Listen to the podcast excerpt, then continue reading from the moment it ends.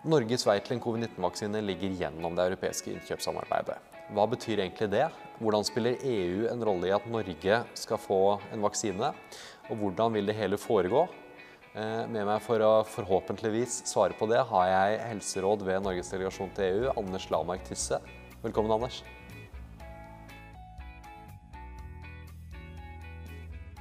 Europa er den verdensdelen som på mange måter har vært mest rammet av pandemien.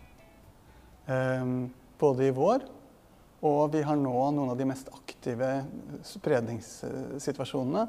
Det har vi i Europa. Ehm, samtidig, selv om EU-EØS-området eh, e består av mange land, så har vi altså gjennom det samarbeidet som ligger i EØS-avtalen, et felles indre marked som skal muliggjøre at varer, tjenester, personbevegelser og kapital skal kunne utveksles og dermed bidra til at økonomiene våre går bedre enn de ellers ville gjort.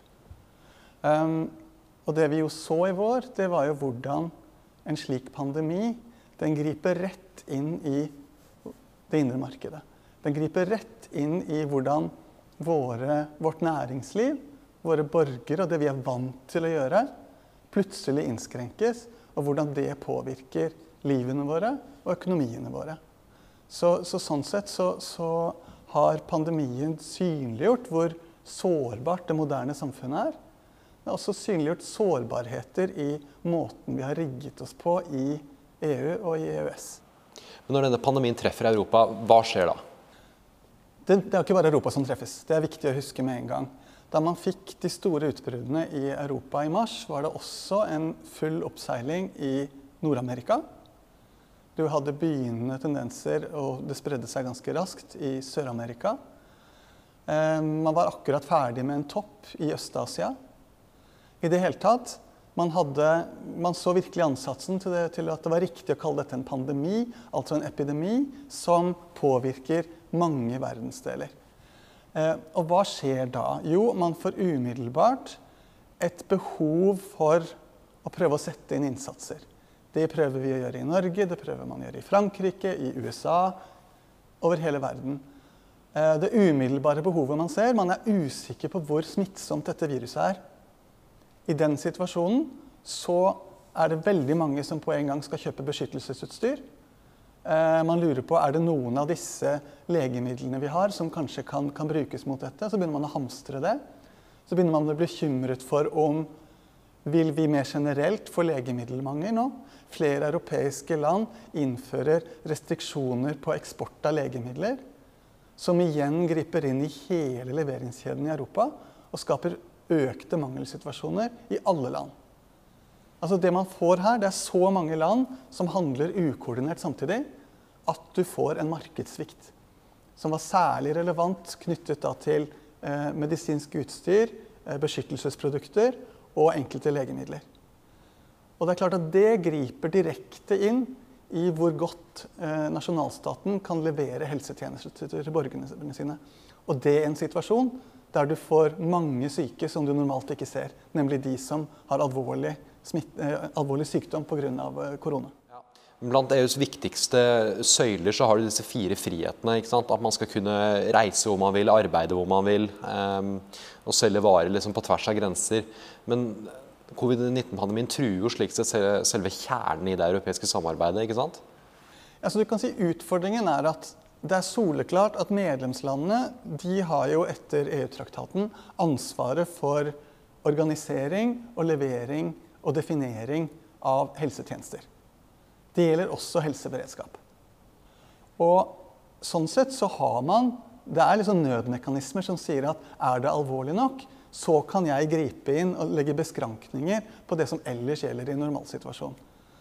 Så langt så er det greit. Utfordringen her det var jo at så mange medlemsland gjør det samtidig uten å koordinere seg.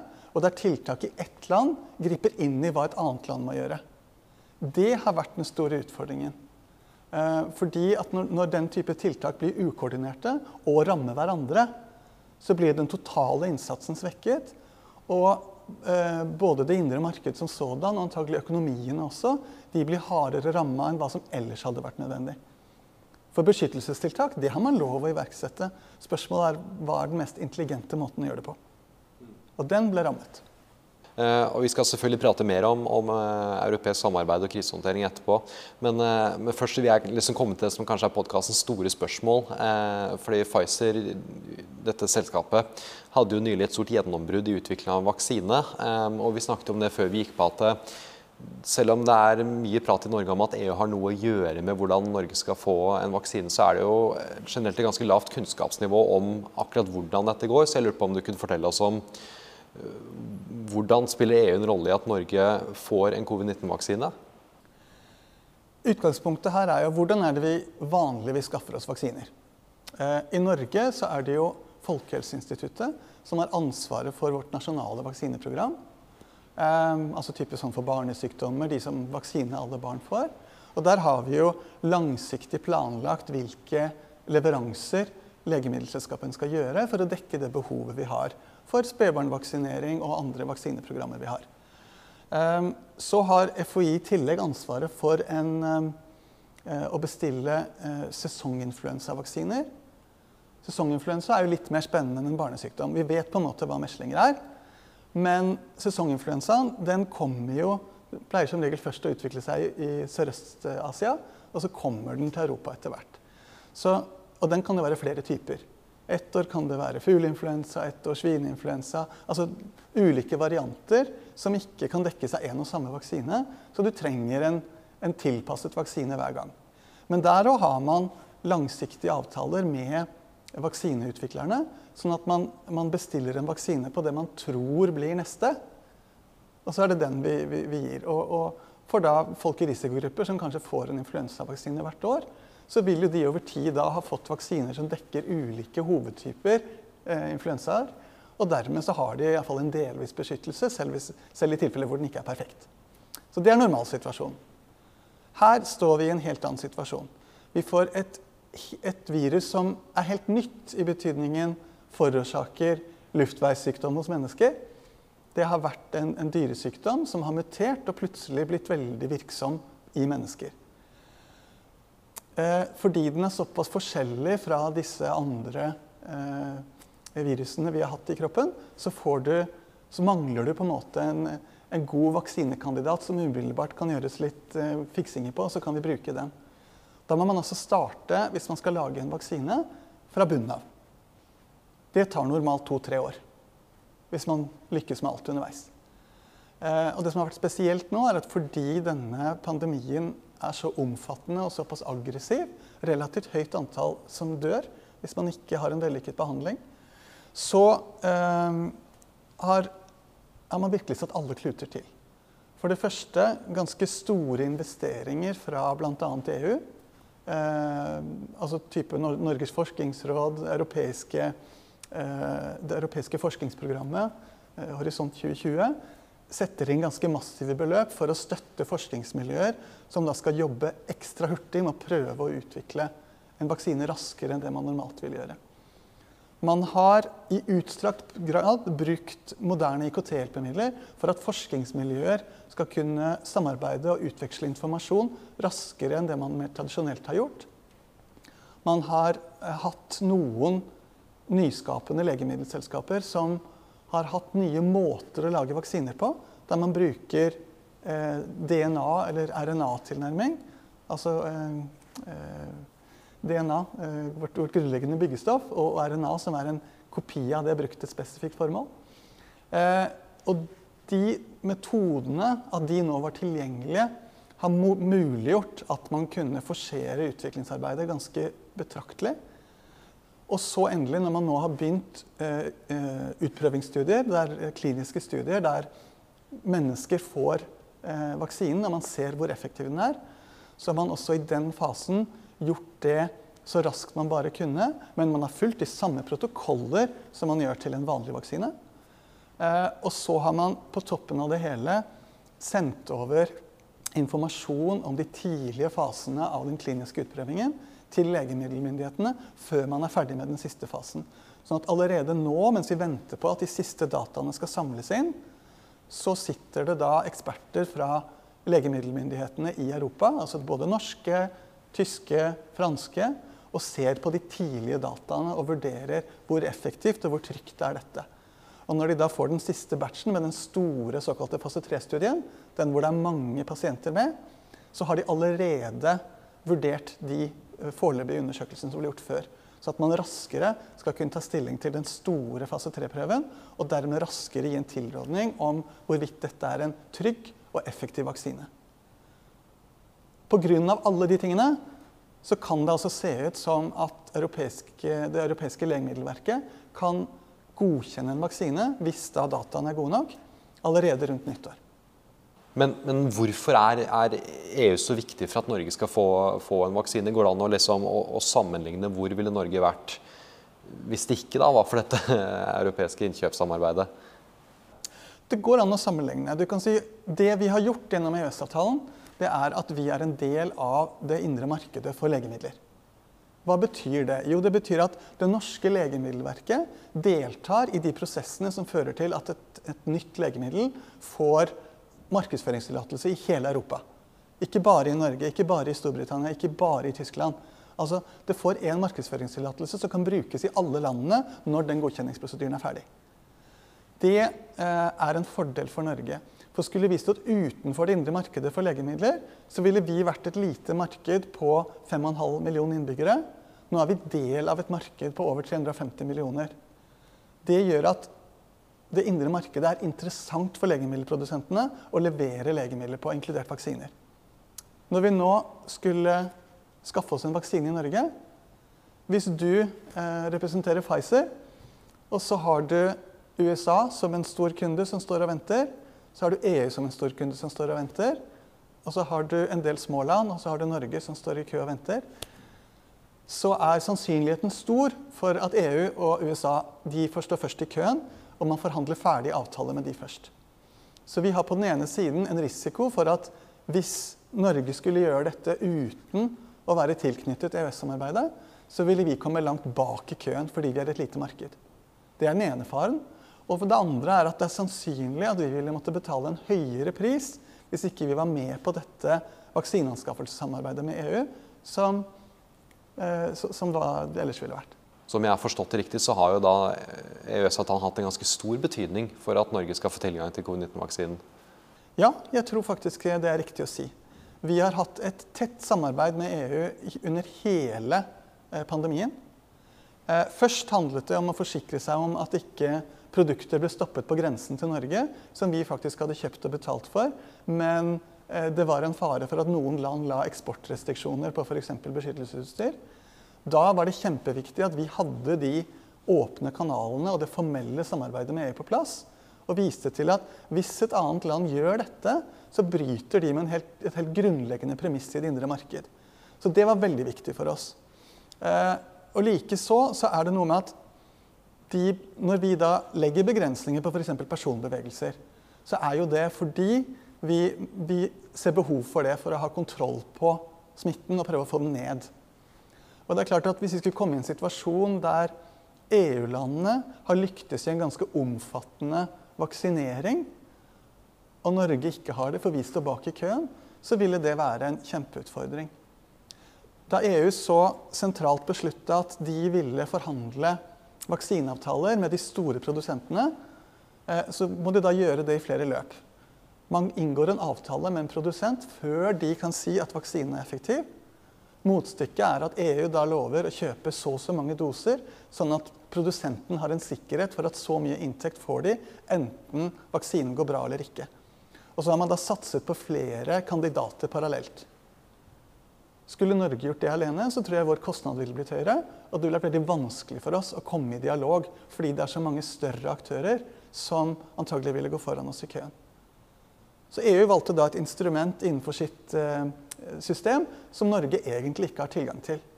Men gjennom den dialogen vi hadde med kommisjonen og med medlemslandene, så har vi da fått en aksept for at EFTA-EØS-landene, altså Norge, Island og Liechtenstein, vi vil i prinsippet omfattes av de forsendelsene som EU da har bestilt. Og så vil de fordeles basert på folketall.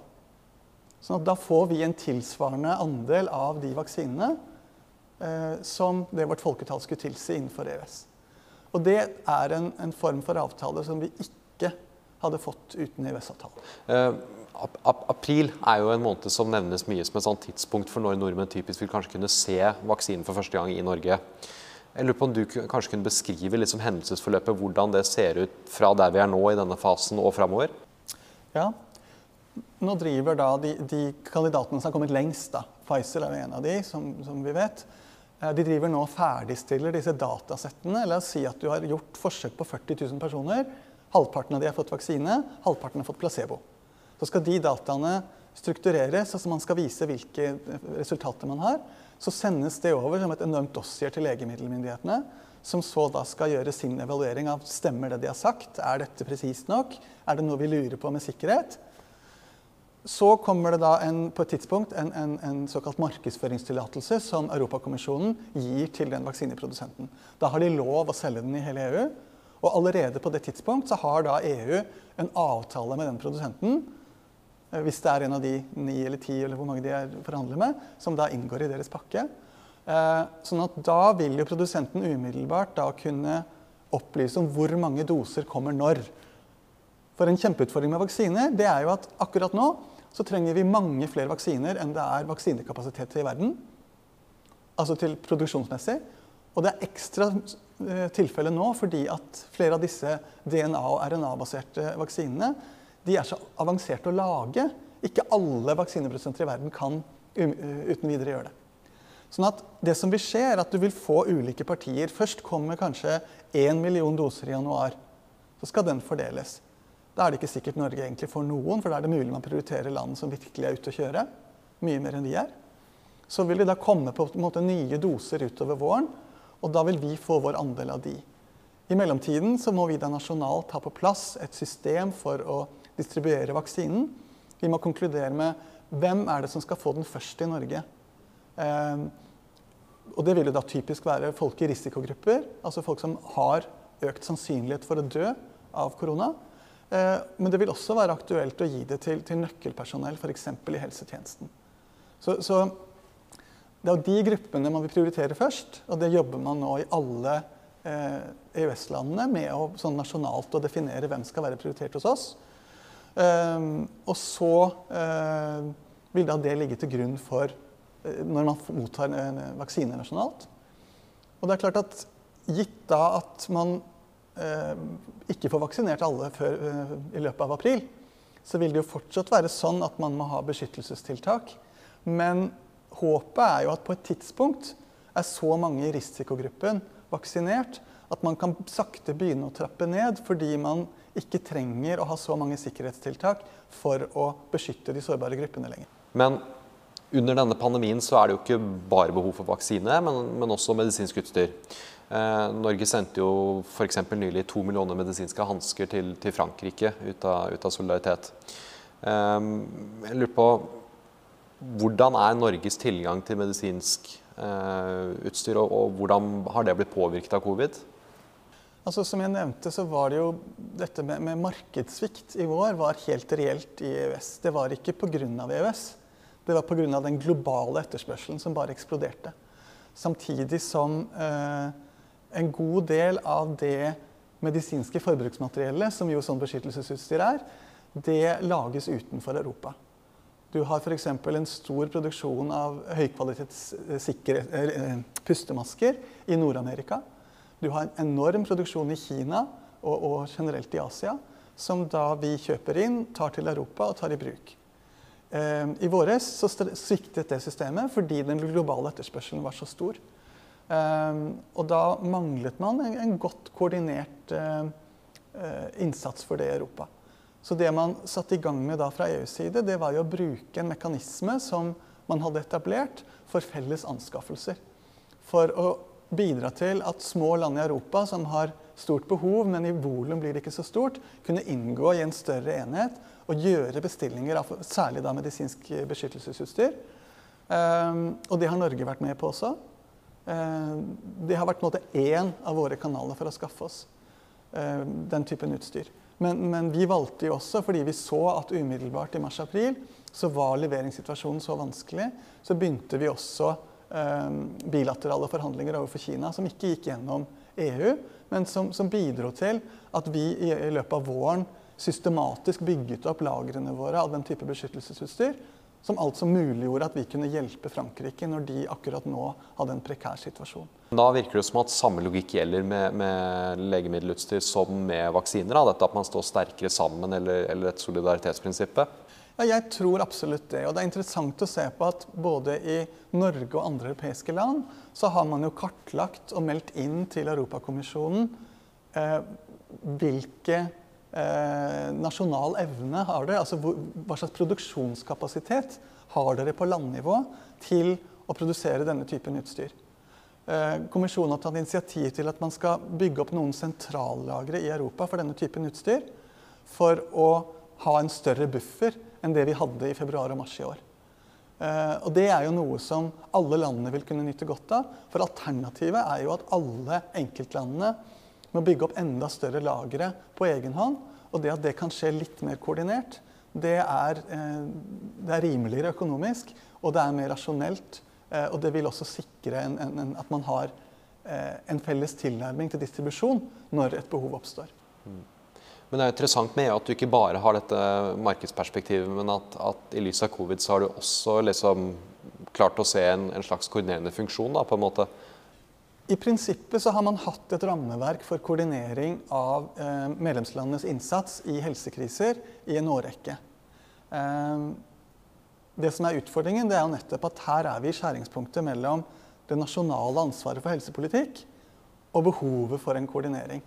Så eh, det er interessant at du stiller spørsmålet, for denne uken så lanserte kommisjonen en ny pakke eh, en, en, en, melding kan man si, til rådet og parlamentet der de foreslår en rekke grep for å få til en mer samordnet eh, tilnærming ved framtidige helsekriser. Eh, og Det som blir interessant med det, er jo om medlemslandene er med på moroa. Beklager at jeg stopper deg, men, men, hva betyr det når kommisjonen legger fram en melding eller en pakke? Ja, altså De kaller det på engelsk en, en communication. Eh, og er, Jeg bruker ordet melding, akkurat som når regjeringen legger fram en stortingsmelding til eh, Stortinget. Eh, og en slik eh, kommunikasjon, den melding kaller jeg den, den, der, den, bruker de da på en måte til å annonsere eh, politikk de ønsker å utvikle på et område. Eh, og her er den da ledsaget av tre lovforslag. Eh, som da skal på en måte være noen av grepene for å oppfylle ambisjonen i den meldingen. Og det handler bl.a. om å eh, gi EU sentralt mer mulighet til å å fastsette anbefalinger om hvordan medlemslandene skal agere i en helsekrise. Det handler om å gi det europeiske smittevernbyrået større muskler til å kunne eh, gi råd og til å kunne samle inn data. Eh, og det handler om tilsvarende om at det europeiske legemiddelbyrået skal få økt mulighet til og ansvar for å overvåke mangelsituasjoner også for medisinsk utstyr og beskyttelsesutstyr som eksempler. Da. Det er en lang liste med tiltak. Men, eh, men det er akkurat fremmet, eh, og det vil bli en, en veldig interessant diskusjon, tenker jeg, i eh, medlemslandene og i parlamentet på hvor langt er man villig til å gå. For her har vi å gjøre med en ambisiøs kommisjon, vil jeg si. Og det er dette som altså da, da er den såkalte europeiske helseunionen som det har vært så mye prat om da? Ja, det er, begrepet som kommisjonspresident von der Leyen har brukt da hun lanserte eh, i sin linjetale til Europaparlamentet i høst at eh, det var behov for, var behov for et, sterkere helseberedskap og mer robuste helsesystemer i Europa. Og så har man fått noen små drypp om hva det kunne bli. Og denne meldingen er på en måte utkrystalliseringen av hva som ligger i begrepet. Når kommisjonen snakker om en styrket europeisk helseunion, så handler det da særlig om å styrke eh, beredskaps- og responskapasiteten og evnen til å, å, å, respondere mer likt i hele EØS, eller EU. Nei, men Strålende. Da lurer jeg på om vi har eh, gått tom for tid, faktisk. Da sier jeg tusen takk. Og så kutt.